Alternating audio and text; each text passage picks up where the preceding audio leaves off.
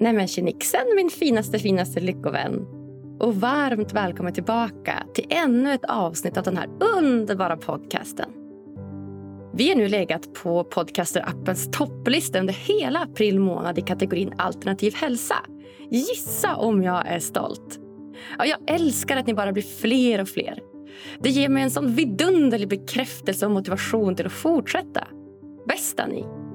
Och för er nya lyssnare så heter jag Agnes Sjöström och jag är en norrländsk liten fjällräv som gärna spenderar mesta delen av min tid i en fjällstuga eller på berget med en snowboard under fötterna.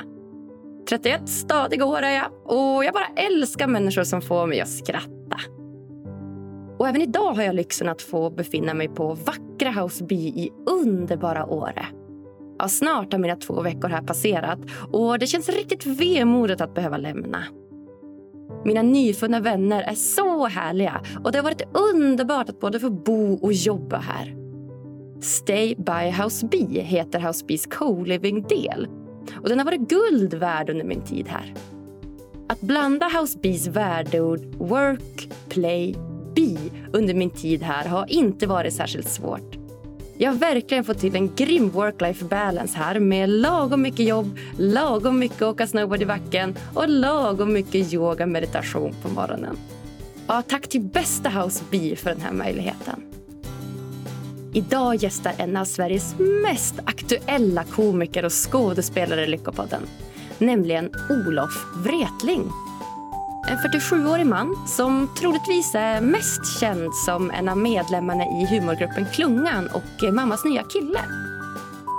Wretling har verkligen tagit Sverige med storm och är idag aktuell med sin nya föreställning Kaffet.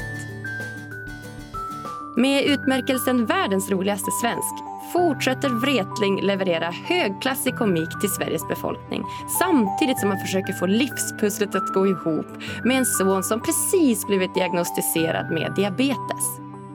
Idag dyker jag och Olof djupare in i komikens för och nackdelar om varför de flesta komiker är grubblare av rang och om hur livet har förändrats som diabetespappa. Ja, plugga i hörlurarna kära du. Skruva upp volymen för här kommer ett riktigt pangasnitt. Varsågoda.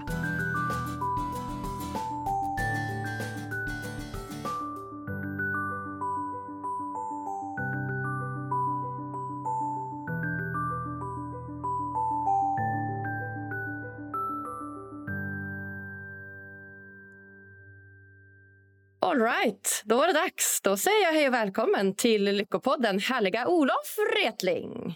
Tack så mycket att jag får vara med i Lyckopodden. Ja, du får vara med i Lyckopodden. Hur känns det? Var det ett eh, rungande eller klungande ja från din sida?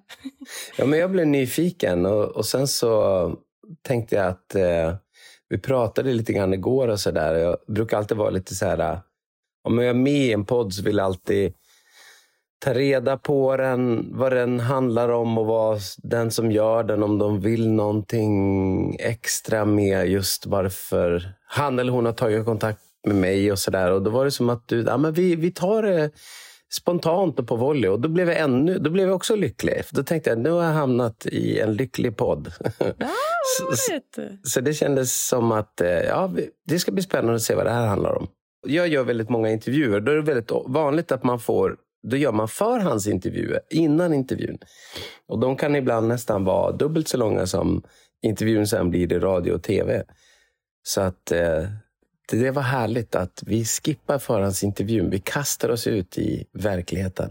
Ja, men det är exakt det vi gör. Aha, vad spännande. Det visste jag faktiskt inte att man hade så förhandsintervjuer. Jag vill ju... Eh, jag är ju helt tvärtom. Ja, nej men det, det, är väldigt, det är nog mer vanligt än ett undantag. Just i som, men inte kanske mer när det är... Poddar kanske jag har haft... Jo, men jag har haft några förhandsintervjuer där också. Men när det gäller Sveriges Radio, och SVT och de stora tidningarna och medverkan i program och så där, brukar man ofta göra en, en förhandsintervju. Ja, nej, här på Lyckopodden då låter vi spontaniteten flöda och framförallt nyfikenheten brukar jag tänka är det som driver den här podden. Så det är någonting helt annat då. Härligt. ja. Men hur är du, varmt välkommen hit i vart fall. Tack så mycket. det ska bli så spännande att, att prata mer med dig. Och min första tanke var liksom så här, jag bara, Olof, ja, men Olof måste jag ha med. Dels för att jag vet att du är från Umeå, som jag också mm. är ifrån. Det är kul tycker jag, att liksom mm. dyka in lite, lite mer i Norrland. Men vart, ifrån, vart i Umeå är du ifrån? Vilken stadsdel? Jag är från Sofiehem. Sofiehem. Ja. Men gud, där, och gud, där har jag sålt eh, Dagens Nyheter på morgnarna varje söndag. Då kanske jag ringde och knackade på dig när, när du var eh, eh ett litet barn. Ja. jag, jag är uppvuxen på Karlshöjd, eh, så, det är, så det är väldigt nära Sofiehem. Men ja, jag sålde Dagens Nyheter varje söndag i fem år på Sofiehem. Är det sant? Ja, då måste ja. jag knacka på. Och så. Alltså, vi har bott där. Mina föräldrar har bott i samma hus liksom, i mm -hmm. ja, vad är det, 30 år nu. Liksom. Var på Sofiehem då? Granvägen, 6D. Nu kan folk komma och knacka på. Ja, ja men det får du väl blipa bort. Men vart då är vi då, då? Är vi nära skolan eller? Eh, vi är alltså precis vid, ja, hyfsat nära, men jag skulle säga att det är närmare Ålidhemskyrkan. Alltså den här eh, skogspartiet mellan Ålidhemskyrkan, så är det som skogsparti och sen kommer Granvägen, liksom Sofiehems Mm -hmm. Alltså är det liksom sista raden innan kyrkan eller? Alltså den... Ja. Jaha, men ja. alldeles bredvid Johan Sor eller? Det vet jag inte. Johan Sor. Nej. Anna Sor och Johan Sor. Nej, jag jo, vet inte om hans... Ja, just det. Exakt. Ja. Jag känner igen det. Ja, ja visst det. Ja, vad härligt. Ja. ja men då, där har jag varit och ränt. Ja, ja men du ser. Okay. Mm. Alltså, kul. Men bor du i Umeå nu eller bor du i... Nej, jag bor Nej. i Karlstad sedan tio år tillbaka. Och Innan det så gjorde jag två vänder i Göteborg med ett litet stopp i Umeå emellan. Sådär. Men eh, jag, sa, jag har varit hemma i Umeå nu. Eh, jag känner hemma, för det känns som hemma när jag är i Umeå. Men Karlstad känns hemma när jag är hemma i Karlstad. Vi har repat upp med Klungan, Toppa jaget, som har nypremiär på torsdag, nu på torsdag på Södra Teatern i Stockholm. Och då har vi repeterat på Ålidhems gamla ungdomsgård som numera är i Studiefrämjandets regi. Så det var, det var verkligen som att kastas tillbaka till snurra på huvudet till Run DMC och göra backspin till eh, Grandmaster Flash. alltså så härligt, vilken nostalgi det är att gå runt ja, där uppe tycker jag. Apropå att vara lycklig, det, det är häftigt sådär med eh, minnen när man inte har varit på platser på så sjukt länge. Och så ser det som så här, ja, men du vet, typ en trappa, en, en trapp, det är så här stentrappor eller marm, inte marmortrappor, men det är väl som någon form av granit trappor upp. Så där. Och då minns jag, då repeterade vi med vårt, med vårt band där uppe. Så där. Och då, det är häftigt att man tänker att den där trappan är ju, det är ju det är fasen samma trappa som jag gick i. Och jag har inte sett dem sen jag typ bandet splittrades eller slutade repa. Eller så, hur? Ja, det är verkligen sjukt. Det är mäktigt vad platser gör saker med. Vad det, vad det bubblar igång så här i, ah. i, i synapserna och att man och, då, och det var en... Just ungdomsgården där på Ålenhem var också som en... Ja, men du vet, som man tog sina första spänstiga, nyfikna steg in i, i någon form av förvuxen tid, eller vad man ska säga. Sådär. Det var både otroligt läskigt, men man skulle också provköra sin stil som man hade hittat på MTV. Så nu ska jag prova, prova den här stilen och se vart det kan leda mig.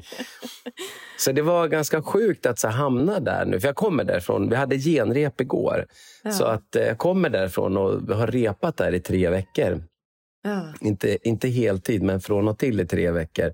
Och eh, väldigt, väldigt speciellt att vara på sin gamla ungdomsgård. Ja, ja men alltså det är så ett, speciellt. Ja. ja. ett helt liv senare. Så är man där och repa. Så det var ju väldigt, väldigt positiva krafter i väggarna.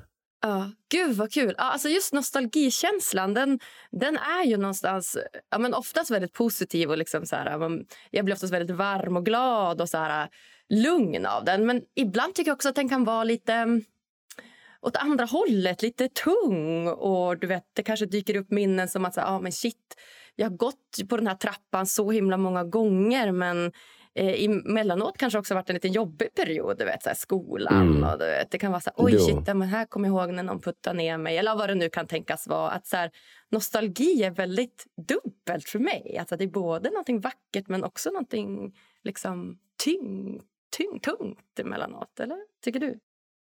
Jo, men det är det. Jag, jag, jag förstår precis vad du menar. Sådär. Äh, det, jag kan hitta någon form av...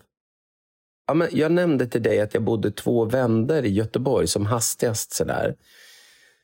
Jag vet inte hur det är för dig, men då kan jag se mig själv... Ja, det här är så sjukt. Jag ska försöka förklara det här. Mm. Min första vända i Göteborg så bodde jag där för att jag ville göra en elitsatsning i friidrott. Sådär. Mm. Så jag var höjdhoppare och trestegshoppare och då var det Göteborg man skulle bli för det var där liksom Sverige-eliten höll till och tränade. Och då hade jag så mina så stigar i staden. Alltså att jag bodde på ett ställe jag gick och tränade och jag gick och handlade och jag vågade nästan ner på stan och tog promenader och sådär. Så flyttade jag hem och sen så hittade jag min, min fru som jag lever med idag. Hon drev en barn och ungdomsteater i Göteborg. Så då flyttade vi dit och så fick vi barn. Och, så, och där hade jag andra stigar. Eh, jag gick inte längre och tränade, jag gick inte längre till samma mataffär. Men jag kunde se mig själv. För ibland så korsades de gamla stigarna med de nya stigarna.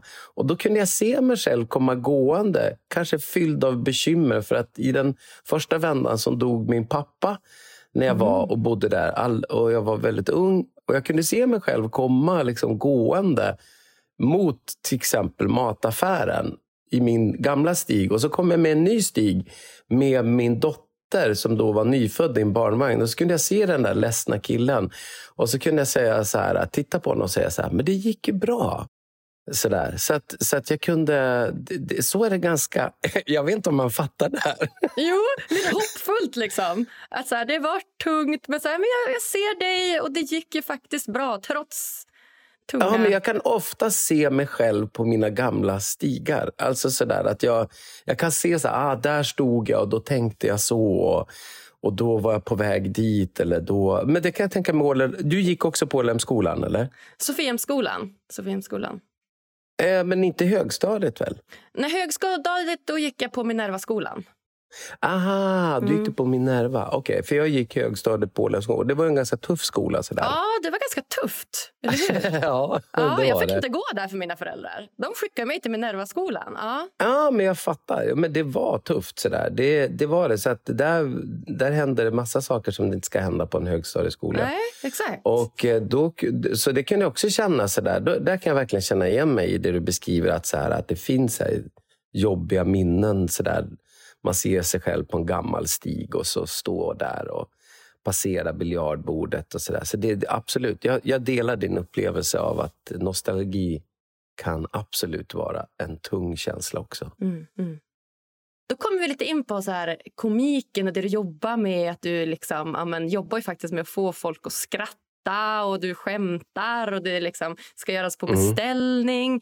Är det lättare att göra det här i Umeå där du har mycket bakgrund om själva staden och liksom lite olika kulturer och liksom normer som är där. Är det lättare för dig då att så här, hitta på skämt? Eller är det kanske till och med svårare? Eller hur funkar det? Ja, jag tror som så där, vi har ju, vi, om vi börjar så här, vi började, jag nämnde ju då humorgruppen Klungan som vi har premiär med nu i veckan. Så här, det var ju så det började för mig då.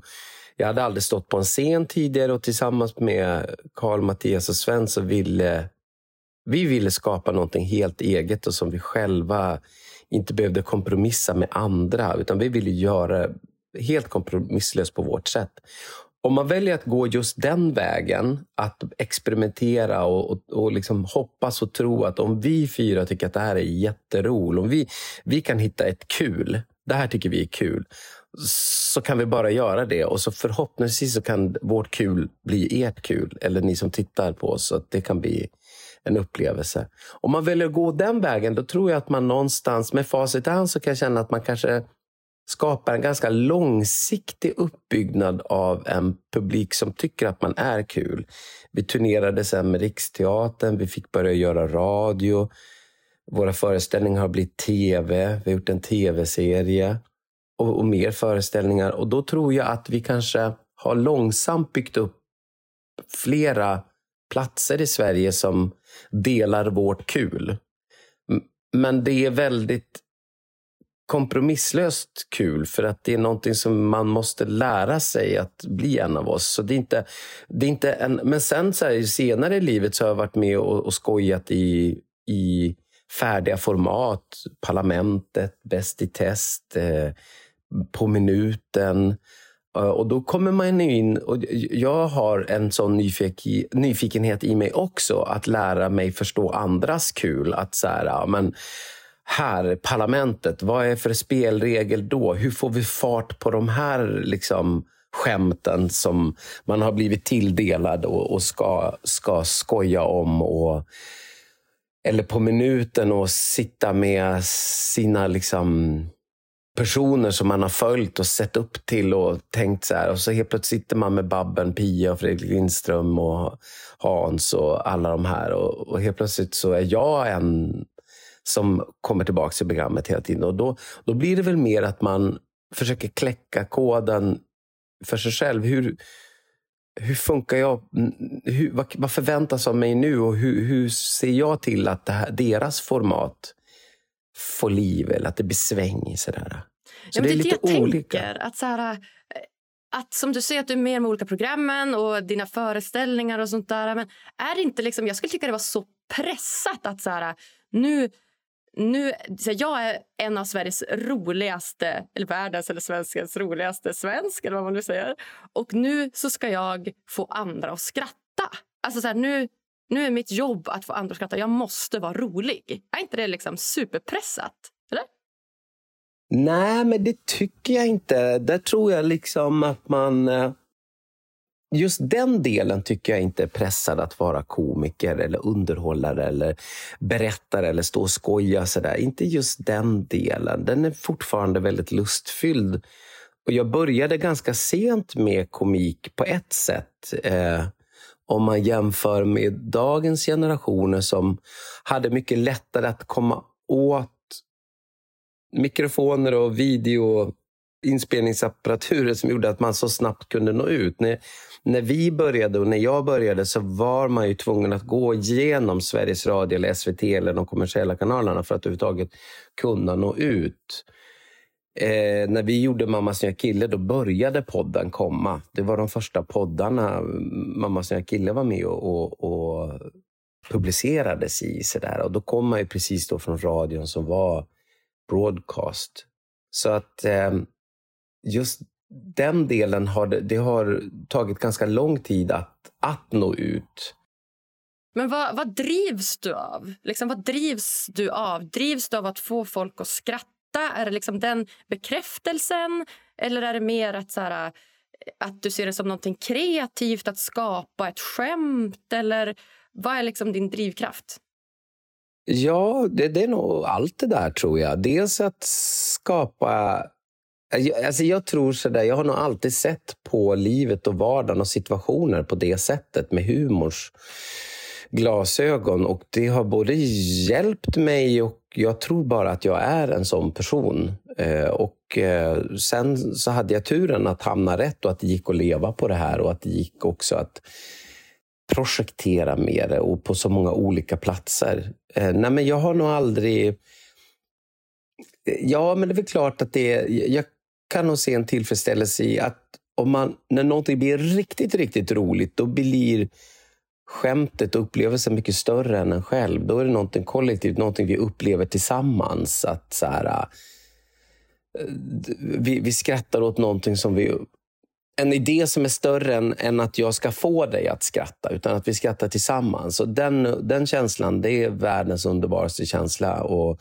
har man fått uppleva den på en scen för en publik av att nu tappar vi det här tillsammans. Nu, nu mm. bara glöm, glömmer vi all, allt jobbigt och allt som vi tampas med och försöker förstå. Och allt skav i vår vardag till att eh, bara tappa, släppa alla alla tyngder som vi bär runt på och bara skrattar. Och Får man uppleva det och sådär, det, ja, det är underbart. Ja, ja, vad härligt. Ja, jag tror att man måste ha en rätt så här, lättsam eh, approach till livet. kanske. Att så här, kunna liksom, du vet, se det från den ljusa sidan och liksom, skämta bort lite saker här och där? Nej, jag tror att det är precis tvärtom.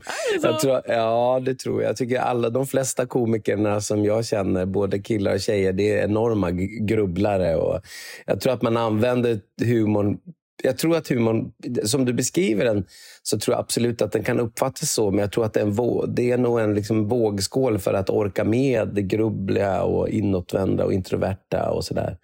Ja, nej, men det, det är nog verkligen... Jag har, jag har inte liksom min bild av eh, kollegor och allt från fysiska spänstiga komiker till liksom rena ordvrängare så, så tycker jag att det oftast är riktiga existentiella grubblare. Det är så alltså? Så att man använder komiken som ett sätt att eh, Orka, tror jag. orka, orka med ja. de där frågorna och uh-huh. knacka på dem. Och, och, ja. ja. Är du en grubblare? Ja, verkligen. Uh-huh. Det är nog verkligen. Vad grubblar om då? Just nu så tänker jag väldigt mycket på min son som precis har fått diabetes, sen, diabetes 1 sen fyra månader tillbaka. Och Då funkar jag någonstans så att då åker jag in i det med allt lika mycket som om jag skulle skriva en bok eller en pjäs eller en... Jag skulle göra ett stort nytt projekt och med det sagt, hela jag åker in i det.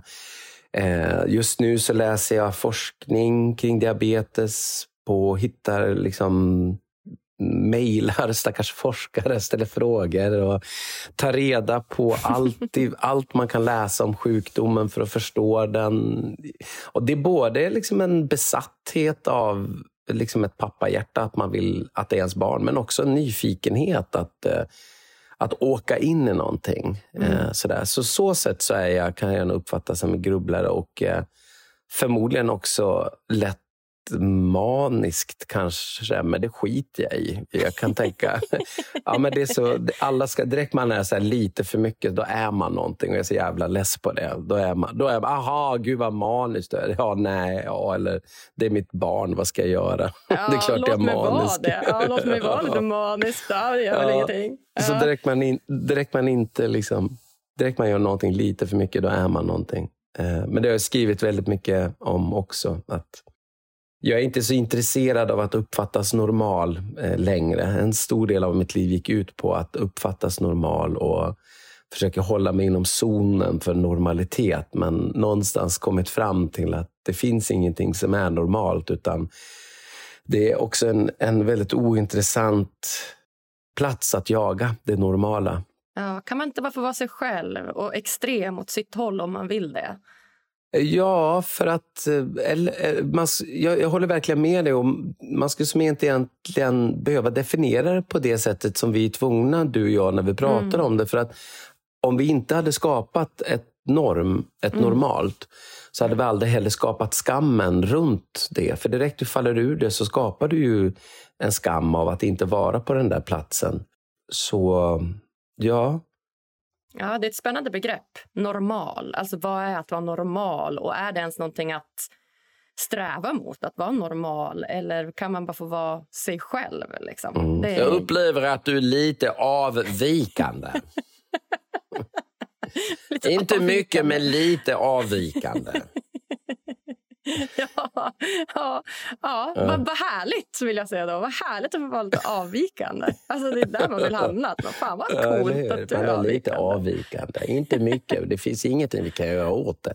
Du är lite avvikande. ja, vad spännande. Men skämt, liksom. Alltså, jag tycker att det är Alltså ett skämt, något som jag tycker är väldigt skamfyllt är när man slänger iväg ett skämt och tänker att så här, fan vad rolig jag är nu. Och sen landar det liksom inte alltså, som mottagaren. Utan man bara så här, det blir super cringe och man bara eh, det var ett skämt eller vet, det blir så här, tyst i rummet eller alltså, vet, någonting sånt där. Att det blir så här super cringeigt. Mm. Hur brukar du hantera det? Tycker du det är jobbigt? Eller är du van vid det nu? Man bombar, ja precis. bombar du då? Ja, vad sa du? Vadå bombar? Med ett nytt skämt? Eller? nej, nej, nej. Ja, men det är ett uttryck. Om, om, man, ha, om man har ett... Eh, om du står på scen och ska skoja och sen så skojar du och så skrattar det ingenting. Då brukar man säga att man bombar. Aha. det går dåligt. Alltså man, skämten får en, en direkt motsatseffekt till skratt. Sådär. Och då som komiker så bombar man. Eh, Ja. eh, ja, Hur räddar man det då? Liksom? Det är klart att när man gjorde sina första år på en scen och när man började eh, skoja och sådär så blev man väldigt rädd för den, att hamna på den platsen när det blev tyst i en salong. Mm. Ju mer man jobbar så kan man också med olika sätt eh, ta sig dit att det blir skratt och man kanske inte heller blir lika rädd för att för tystnaden och sådär. Men det är en process och en ynnest av att få hålla på länge som gör att man kanske inte riktigt blir så drabbad av den känslan. Sådär. Så, så det, ja, men jag förstår precis vad du menar. att Det, det är ju otroligt läskigt sådär att eh, man går ut. Men det är inte min största rädsla länge. Men det är klart att den fanns där. Den är väl liksom någonstans inbunden i att ta sina första stapplande steg på en, på en scen överhuvudtaget. Så är det såklart att det är förlikat med att om jag ställer mig här och ingen skrattar och jag påstår att jag är rolig och ingen skrattar, det är ju en mardröm. Och det är klart att den mardrömmen finns med när man ställde sig där första gången. Och man var säkert jättespidad och alldeles för mycket. Och, men folk skrattade och var snälla och man överlevde och man provade igen. Men med åren så kanske det uppträder andra rädslor av att kanske inte riktigt... Eh, det är ju någonting så när man gör saker för första gången.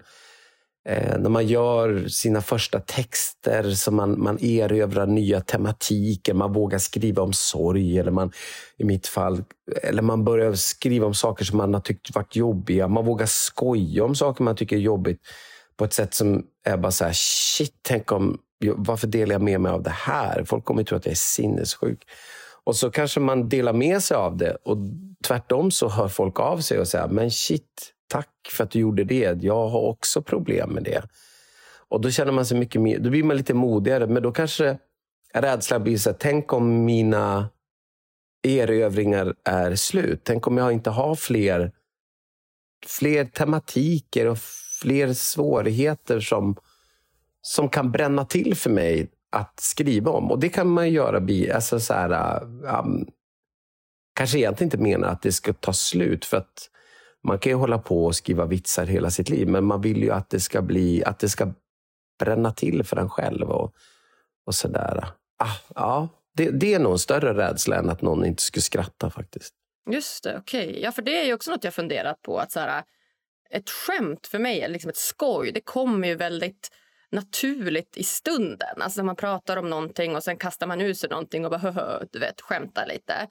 Men just när man ska göra det så på liksom beställning. Alltså, jag tänker, hur går liksom ett, ett skämtskapande till? Behöver du liksom eh, tid att sätta dig ner och liksom skriva ner skämt? Eller kommer de bara till dig? Eller hur, hur gör man liksom när man ska skapa en ett skämt liksom, eller en föreställning? Eller? Ja, men jag ingår i en grupp eh, och, och även ja, två konstellationer. Dels klungan, mammas nya kille. Och där är det som att man bollar väldigt mycket och man skrattar och har jätteroligt ihop. Och det gör ju att man tänker att om jag och vi skrattar åt det här och vi försöker få ner det på ett papper och på det sättet som fick oss att skratta så kanske det kan smitta av sig. Så på det sättet så är det nog inte krångligare än så. Sen så finns det ju andra delar som är... Vi har skrivit är det nio... Jag har varit med i Vinter i P1 jättemånga gånger med vinterprat och, och ett sommarprat. Och där är jag ju mer helt själv och skriver. och det, det kan jag tycka är väldigt skönt också. Att inte då bolla eller få idéer eller alltså skapa idéer tillsammans med andra. Så det, det, det tycker jag är, är eh, kul att få också uppleva att göra saker själv. Så att jag tror att hoppa det är olika... Det finns nog olika sätt att göra det på, tror jag. Jag är alldeles för nyfiken för att bara göra det på ett sätt. Jag, jag tycker om att ingå i Parlamentet eller På minuten eller Bäst i test. Jag tycker om att gå runt och fnula själv på ett vinterprat. Och jag tycker om att ingå i en liten humorgrupp från Umeå som ska göra allting själv. Mm. så, sådär, så, eh, nu tar vi hjälp av andra också, men som har det som idé. I alla fall många, del, många föreställningar vi gjorde skapade vi liksom hela processen själv. Och, producerade och regisserade Hörrni, och skapade när jag först tog över Lyckopodden så trodde jag att lycka bara handlade om glädje, lyckorus och positiva känslor. Men efter att ha spelat in ett gäng avsnitt så förstod jag ganska snabbt att lycka handlar lika mycket om trygghet, stabilitet och närvaro. Och trygghet för mig det handlar mycket om att veta att alla mina nära och kära mår bra och är lyckliga. När jag därför fick höra om Justin Case digitala livförsäkring så blev jag helt såld. Jag är personligen rätt dålig på att uppdatera mina egna försäkringar. Men eh, när jag fick höra att du tecknar den här försäkringen mycket för andras skull, alltså för att skydda dina närmaste, ja, då blev det en helt annan sak. Just in case det är alltså den mest osjälviska och mest omtänksamma försäkringen du bara kan köpa. Ett enkelt sätt att få peace of mind helt enkelt. Man kan säga att det är lite som familjens plan B. Så om det skulle råka hända dig något drastiskt, vilket vi såklart hoppas att det inte gör, men om det skulle göra det, så finns Just In Case livförsäkring där för att ta hand om dina närmaste nära och kära. Hur fint är inte det? Försäkringen behöver heller inte kosta dig mer än 65 kronor i månaden och du tecknar den på en ynka liten minut. Därför har jag inlett ett samarbete tillsammans med gänget bakom just Just In Case och deras livförsäkring. Och just nu så bjuder de dessutom dig på första månadspremien helt kostnadsfritt. Nej, det här är verkligen inget att fundera på. Hörni. Gå bara in på www.justincase.se lyckopodden och kirra biffen på dirren, vet jag. Lyckligt liv, kära du!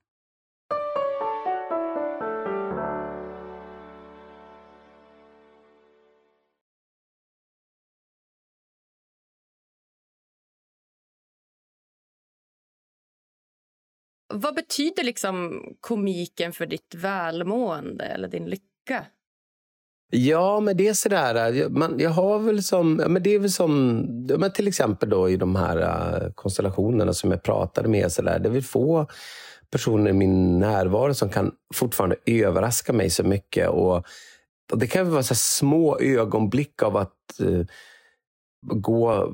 Eh, jag och Karl gick igenom Ålidhem centrum i förrgår. Och, eh, vi liksom skojade fram och tillbaka med varandra. Och helt plötsligt så blev skojet liksom sådär som...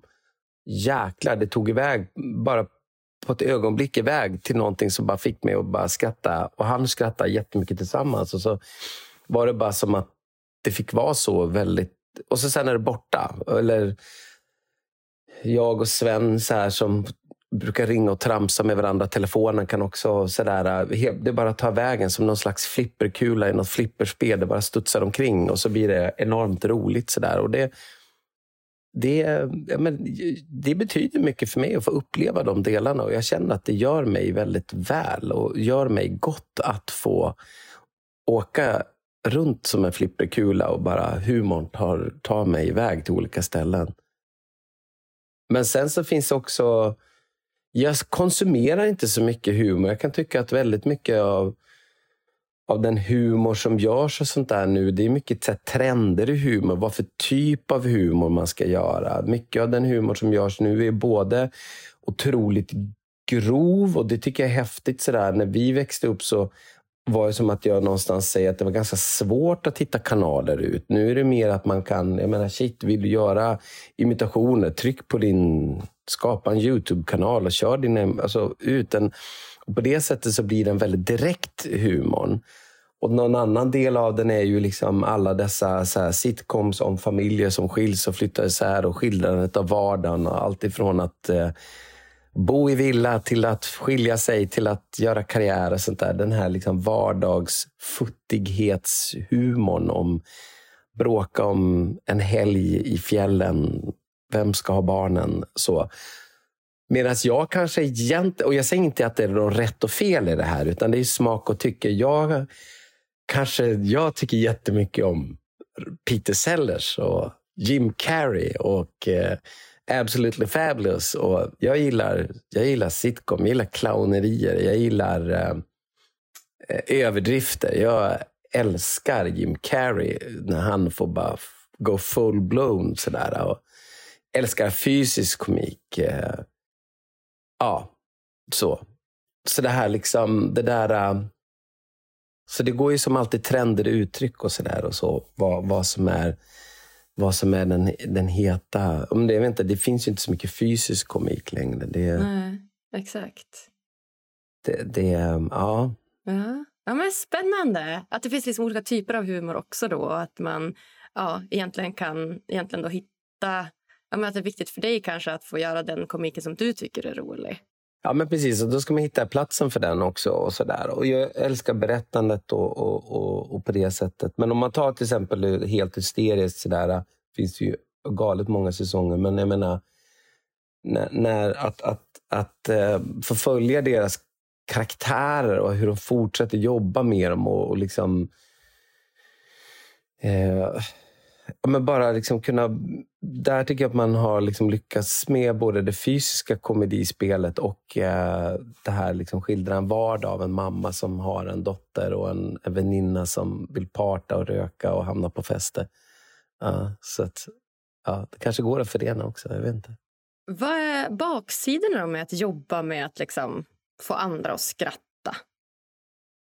Grubbla pratar vi lite om. Grubblande. Jag kan ju känna igen mig det. Grubblande. Jag är också en grubblare. Jag är sjukt nyfiken och bara styrs ju. Hela den här podden styrs ju bara en stor skopa nyfikenhet. Men jag förstår. Jag kan också, kan också Vet vad vi måste, jag, ska fn, jag ska fnula på den frågan. Och så, för nu måste, jag, nu måste jag väcka min son. För nu ska vi på fotbollsträning 10.30 och han, han ligger och sover. Så att nu åker jag in i fem minuter livets karusell. Då stannar jag här och eh, karusellar mig med tills du ja, kommer bra. tillbaka.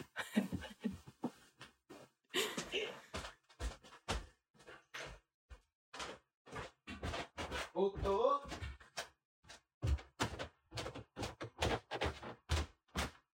Otto? Upp och hoppa, biskopstappa.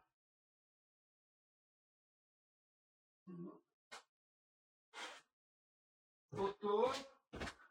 Eh, då ska vi se, då måste vi få en fart. Eh, ja.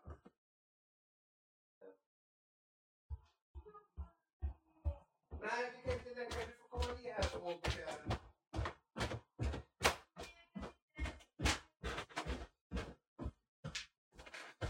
Jag är strax tillbaka. Okej. Okay. Så här är det att ha ett diabetesbarn. Det är pyssel. Ja, så nu, har jag tömt, okay. nu har jag tömt slangen. Där han har en insulinpump och då har, på natten blir det luftbubblor i slangen. Eh, så då fick jag göra det. Och eh, Nu måste sensorn hitta kontakt med pumpen så jag får ett blodsockervärde.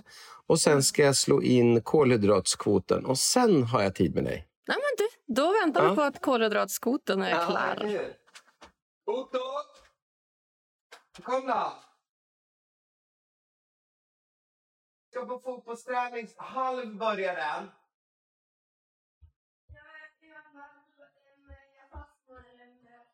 Ja, men det fastnar med tån. så att, nu ska vi se, nu har jag fått ett blodsockervärde så då kan du ta på dig eh, skydden och så. Så. Och, nu börjar mycket lättare om jag har benskydd. Ja, så, så det kan du göra nu då. Eh, nej, och så, vänta då. Så, så. Så, nu kan du ta på dig skydden då. Är skydden då? Ja, men de ligger nog i påsen där va? Hello! Hello! Nu ska vi se. Och jag skulle ta på mig de här. Så. Jaha, Olof, vad är baksidorna då med att jobba med att andra ska skratta eller vara glada? Ja, men baksidan av det kanske är som att... Äh... Vi pratade lite om grubbel där. Och att, här, ja, men då kanske, jag har ett, då kanske jag har ett grubbel här. då. Och Det grubblet kanske är så här att om man som komiker skapar en relation till sin publik. Jag nämnde det tidigare, tror jag. Jag pratade om Umeå och att man var, valde att skoja på sitt sätt och sen så fick vi åka ut i landet. Och en ny publik fick lära känna oss. Man har alltså blivit en komiker, inte genom andras format och plattformar, utan man har blivit utifrån vad man själv tycker är skoj. Så har man också lärt publiken att så här är jag rolig, det här är min röst och så. Då kanske ett grubbel finns att det kan vara lite svårt att gå vidare för att man kanske vill upptäcka nya roligheter och nya sätt att skämta på medan publiken känner en som en person. Och det kanske kan vara sådär lite svårt att i mitt yrke så kanske jag inte kan greja på själv så mycket. Apropå att vara en, en forskare inom en, ett ämne så kanske man kan liksom... Då inbillar jag, då projicerar jag på dem att jag, upptäck, jag tänker att de det är klart de måste söka pengar och sälja in sina idéer, men de kan greja på utifrån vart de... De är inte beroende av en publik. De är beroende av bra resultat såklart för sin forskning. Men där kan jag tycka att baksidan är lite grann att jag har också en publik som har vant sig vid vem jag är och, och hur jag har vad de tycker är roligt och så där. Så där, där, ligger det lite grubbel. Just det, så att den här liksom personen som du har varit tills nu då, är det svårt att liksom bredda den boxen? Att kanske det är inte säkert att det är Nej. det, men om Nej. baksidan är det, om man har stått där och, och skojat som eh, Katla, Mangan, man har varit, gjort pappas pengar i tv, man har varit, ja, sådär, som folk nästan dagligen kommer fram och tackar en för, eller gjort vinterprat. Jag har gjort så många olika saker. Det har varit så kul att jag just fått det också. Så kanske ett grubbel för mig bor i att just ja, men jag kanske skulle vilja skapa en ny karaktär. Jag hoppas att den kan bli lika rolig som de här andra. Men jag kanske inte vill göra Katla här nu. Men jag vet att du hemskt gärna vill att jag ska göra Katla. Men jag vill testa min nya, min nya gubbe här. Så det kanske är lite, om man nu ska hitta en baksida, så kanske det är en, någonting som det ligger ett stort jobb i att vara komiker. Att man måste våga ta de stegen och våga... För jag menar, om vi tar Katla som ett exempel. Katla har också varit en, en gång i tiden en ny karaktär som sen vann sin, sin publik och sin, sin plats. Sådär. Ja, du var precis här och hjälpte din son lite grann med några insulinsprutor och någon mat här inför fotbollsträningen. Jag vet att eh, du, eh, han precis har fått en, eh, en diagnos här då som diabetiker. Mm, precis, och då, då var det faktiskt inte sprutor utan då har vi något som kallas för diabetespump. Det är som en, en liten pump som förser honom med det insulinet han själv inte kan skapa med sin kropp. Så det är ett yttre insulin som tillförs till kroppen. Och eh, då, finns det, då blir det som... Det, än så länge är det inte riktigt vardag än. Det är som bara fyra månader än så länge. Men det är en massa nya rutiner som ska gå in. Så från att man kanske tidigare bara klev ur sängen och gick ner och kastade sig i soffan och kollade på iPad så måste man kolla vissa saker. och eh, Det kan vara bra att ta ett glas vatten på morgonen till exempel för matspjälkningen. Det kan vara bra att tugga på en morot. Det kan vara bra att ta insulinet en liten stund innan själva frukosten. För ofta på morgonen så har du en större insulinkänslighet och kroppen har varit i ett svältläge. Allas kroppar har varit om, för att vi har inte ätit något på nätterna. Om man inte är uppe och ränner och äter mat på nätterna.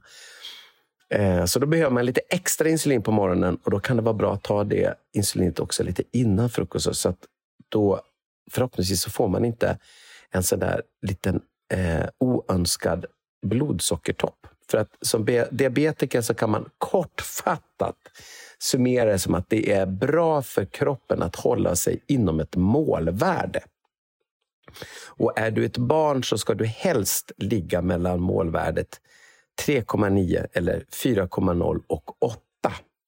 Ligger du inom det målvärdet så är det gynnsamt för din kropp det gör ingenting om du kortsiktigt håller dig utanför de här målvärdena. Men blir det för under en längre period så kan det vara skadligt för din kropp. Mm -hmm. Långsiktigt. Sådär. Just det, så stor livsförändring för er då kanske att hela tiden behöva förhålla er till fyra till åtta det här målet, då, dagliga ja, målet. precis. Då får, men vi får bra hjälp. Det finns, vi kommer in i sjukdomen när det har hänt väldigt mycket teknik kring sjukdomen. Och jag stod faktiskt bara häromdagen och pratade med min granne eh, vars son är nästan lika gammal som mig. Men de fick det minns nämligen så där att de, han fick diabetes nästan i Ottos ålder. Så jag stod och pratade med hans pappa häromdagen. Så visade det att man numera kan följa ja, jag, jag sa det till honom att eh, ja, nu är jag också diabetespappa. Titta, här finns en app.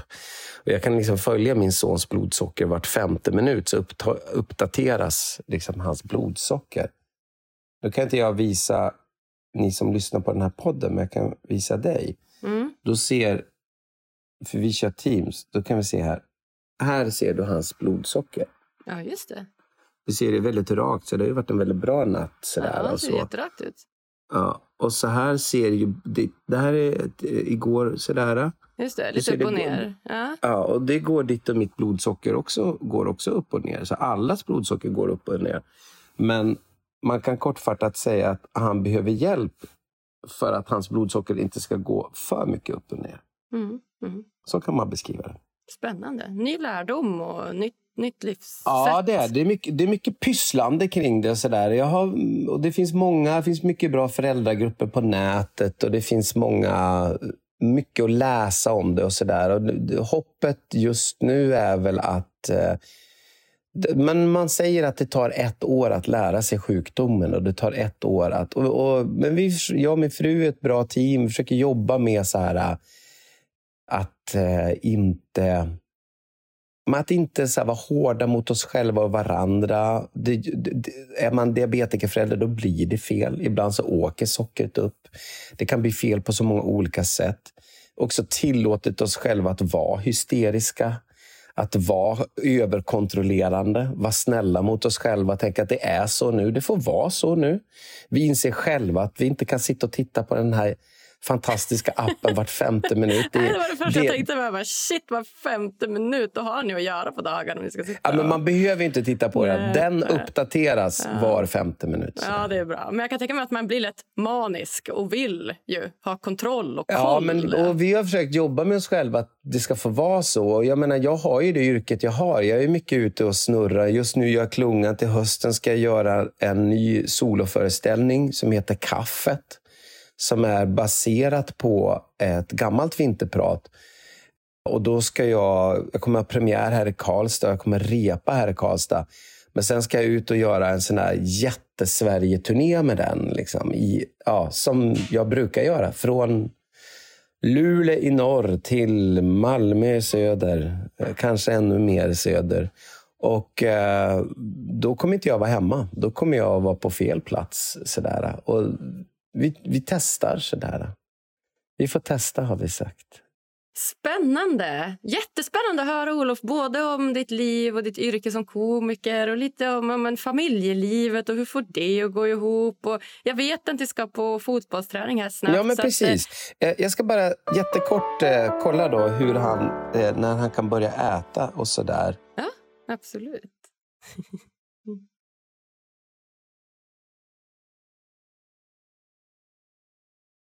Vi har pratat lite grann om det här med fysisk komik och berättandet och så. Så där får jag väl någonstans leva upp till liksom det jag själv tycker om att göra. Just att blanda det här. Att eh, vara fysisk och stå på scen och skoja och berätta med hela kroppen på ett eh, förhoppningsvis roligt, roligt och oväntat sätt och samtidigt framföra en berättelse som är väldigt angelägen och väldigt eh, självupplevd. Jag Berättelsen handlar om när jag eh, tappade rösten som komiker. Du frågade tidigare vad det, vad det värsta som kan hända om det är att någon inte skrattar. Så jag kan säga att det absolut värsta jag varit med om var när jag stod på scenen och tappade rösten.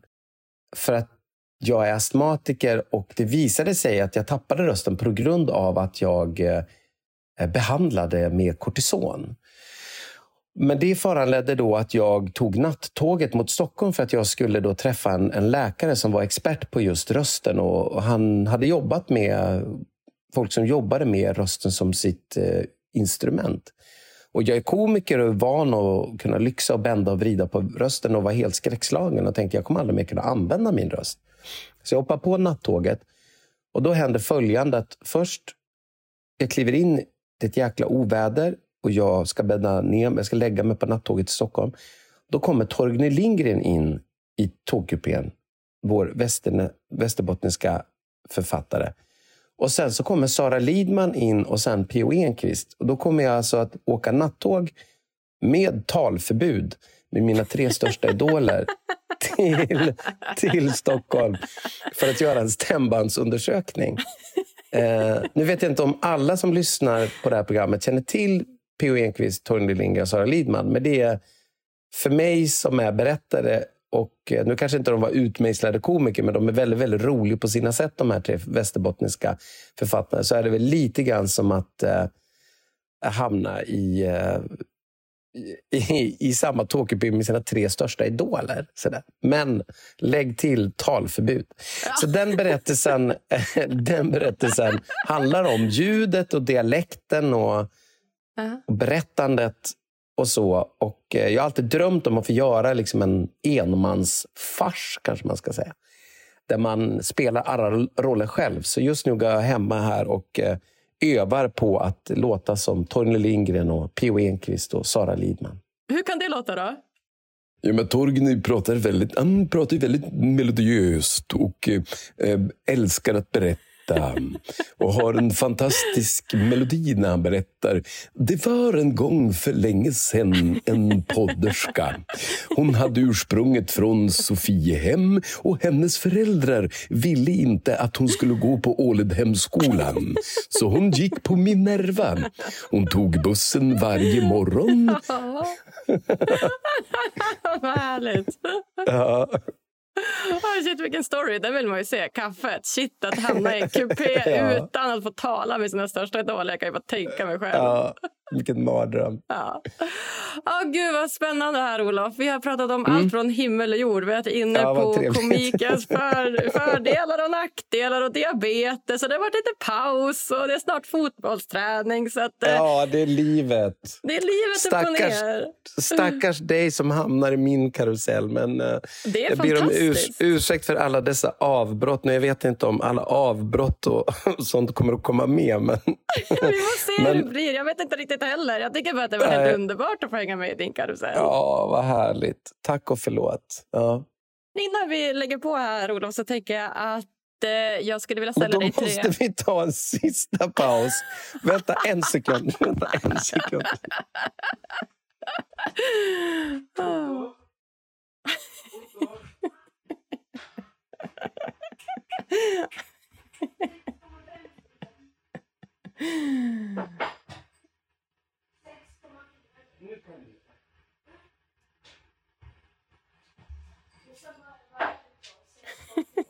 Världens sämsta intervjuare.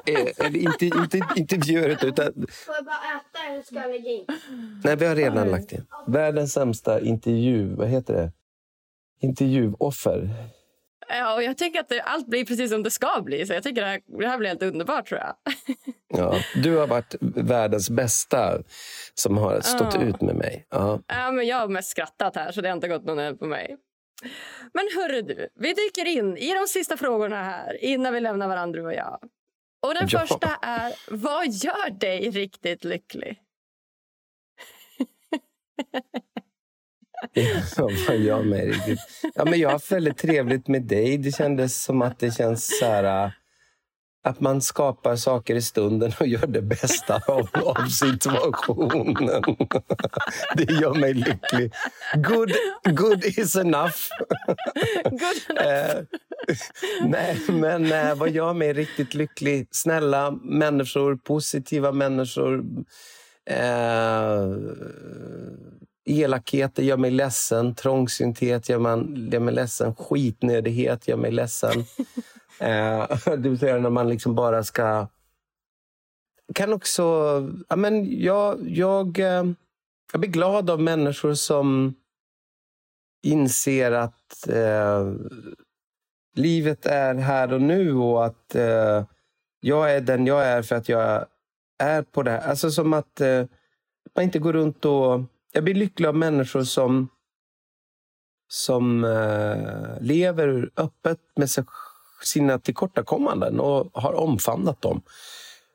Och inte försöker så här ljuga och sminka, sminka bort all skit. Liksom, utan att man, man lever öppet med sina tillkortakommanden. Det blir så mycket enklare då. att så här, Tänk så här, vad förlåtande vi är som människor. Det räcker med att någon säger så här, ja, men så här är det för mig nu, men jag vill det här. Jag vill jättegärna göra Lyckopodden med dig, men jag har de här förutsättningarna. Det kommer bli ett jäkla rännande för att jag är ensam med min diabetespojke och jag håller på att lära mig det. Så att, men jag bara menar att, att man inte försöker liksom låtsas som att det inte finns något skav.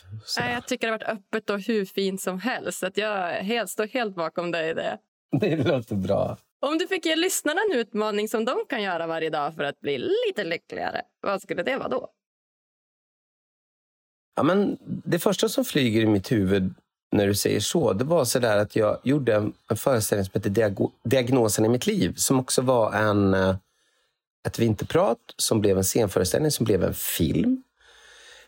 Och den filmen och har jag också sen, den spred sig. Den blev så populär så att jag har också som nu i kölvattnet av de här tre formerna som berättelsen har tagit så har den även tagit en, en föreläsningsform där jag är ute och, och pratar egentligen gör samma text som i föreställningen.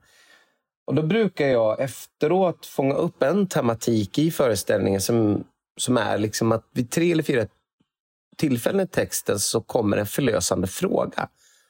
Det vill säga, istället för att peka på någon och säga att du är på ett visst sätt.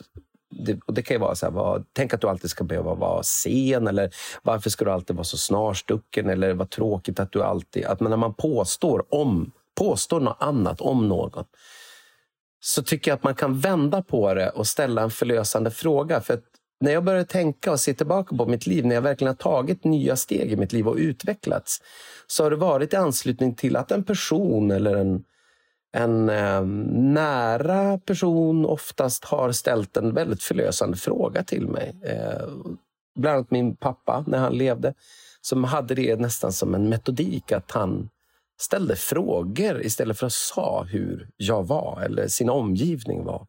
Och Det kan ju vara så enkelt som att så här, um, varför tror du själv att du alltid hamnar i den här situationen? Eller jag måste få fråga, om det kan vara en kollega på jobbet. Jag måste bara få fråga, jag blir så nyfiken. Du kommer alltid fem minuter för sent. Det kanske låter larvigt, men det är verkligen så jämt. Jag är bara nyfiken, varför är det så? Och då kanske man får ett helt annat svar. Det kanske inte alls är så att den personen är lat, slarvig, obrydd, eh, gränslös, eh, taskig. Det kanske är så att den personen har ett barn som har diabetes. Det kanske är så att den personen eh, har tvångstankar, står och rycker i en toalettdörr 25 gånger innan hen ska kliva på bussen och gå till jobbet. Eller ytterdörren, eller spola en kran x antal gånger för att uppnå siffran sju. Ja. det, finns så mycket, det finns så mycket tokigheter som, som, som vi, våra hjärnor hittar på och ställer till det för oss. Och bara genom att ställa de där frågorna så kanske vi öppnar upp till diskussioner. Då kanske nej men är det sant? Har du också det? det jag har ju också en massa hyss för mig. Har du? Så helt plötsligt så kanske vi börjar prata med varandra och helt plötsligt kanske vi kommer lite närmare varandra. Istället för att gå runt och tro att någon annan är genuint elak som väljer att komma exakt fem minuter för sent varje gång man säger något. Ja, men nu gjorde jag bara som en liknelse. Men då en uppmaning till lyssnaren. Ge dig på att ställa en förlösande fråga. Det vill säga en fråga som kanske är någonting som du faktiskt undrar över en annan person. Och gör det av nyfikenhet och inte av, av att ställa någon till väggen. Utan, utan faktiskt ähm, ja, Ja, så bra tips, Olof. Va? Är det något så slutligen som du känner att du vill dela med dig av till lyssnarna här som du inte har fått säga än? Nej, jag tror... Jag tror jag, jag ska, får jag ta en kort paus? Jajamän! Jag vill sova på dig i fem minuter. Sen får du väck, ringa och väcka mig. Efter fotbollsträningen kanske? Ja, nej du, nu måste jag iväg här. Jag, jag, jag har haft skit... Eh, Skittrevligt. Det har varit eh, jättetrevligt. Gud, Ja, vad, vad roligt att få prata med dig och hoppas, eh, hoppas du är lycklig. Ja, nej men detsamma, verkligen. Jag är oftast lycklig. Det går upp och ner som livet gör, men eh, ja, jag är oftast lycklig. Det är absolut. Det är, Mm. ja. Nej, Jag säger bara tack, tack, tack snälla Olof för att du kommer gästa mig här på Lyckopodden. Lev och må, ha det bra. Hej då!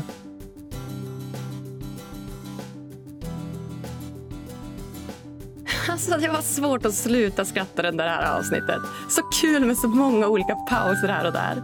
Så ofiltrerat och genuint. Äntligen har jag fått dyka in i huvudet på en komiker och nyfiket fått guidas i hans tankar, känslor och livspussel. Så spännande! Ja, jag bara älskar att det blev så himla ärligt och fint och genuint. Guidade det här avsnittet dig till lite mer förståelse om hur du kan uppnå mer lycka och välmående i livet? Då hade jag blivit så glad om du ville gå in på Podcaster-appen och lämna lite kommentar om vad just du tyckte om podden. Ge oss jättegärna så många stjärnor som du tycker det här avsnittet förtjänar också. Och om du missat det så finns vi också på Instagram, Facebook, Twitter och Youtube. Såklart under namnet Lyckopodden. Nej, nu är det dags för mig att åka ut i backen igen. På med snowboarden bara. Ta hand om er nu finisar. Puss och kram!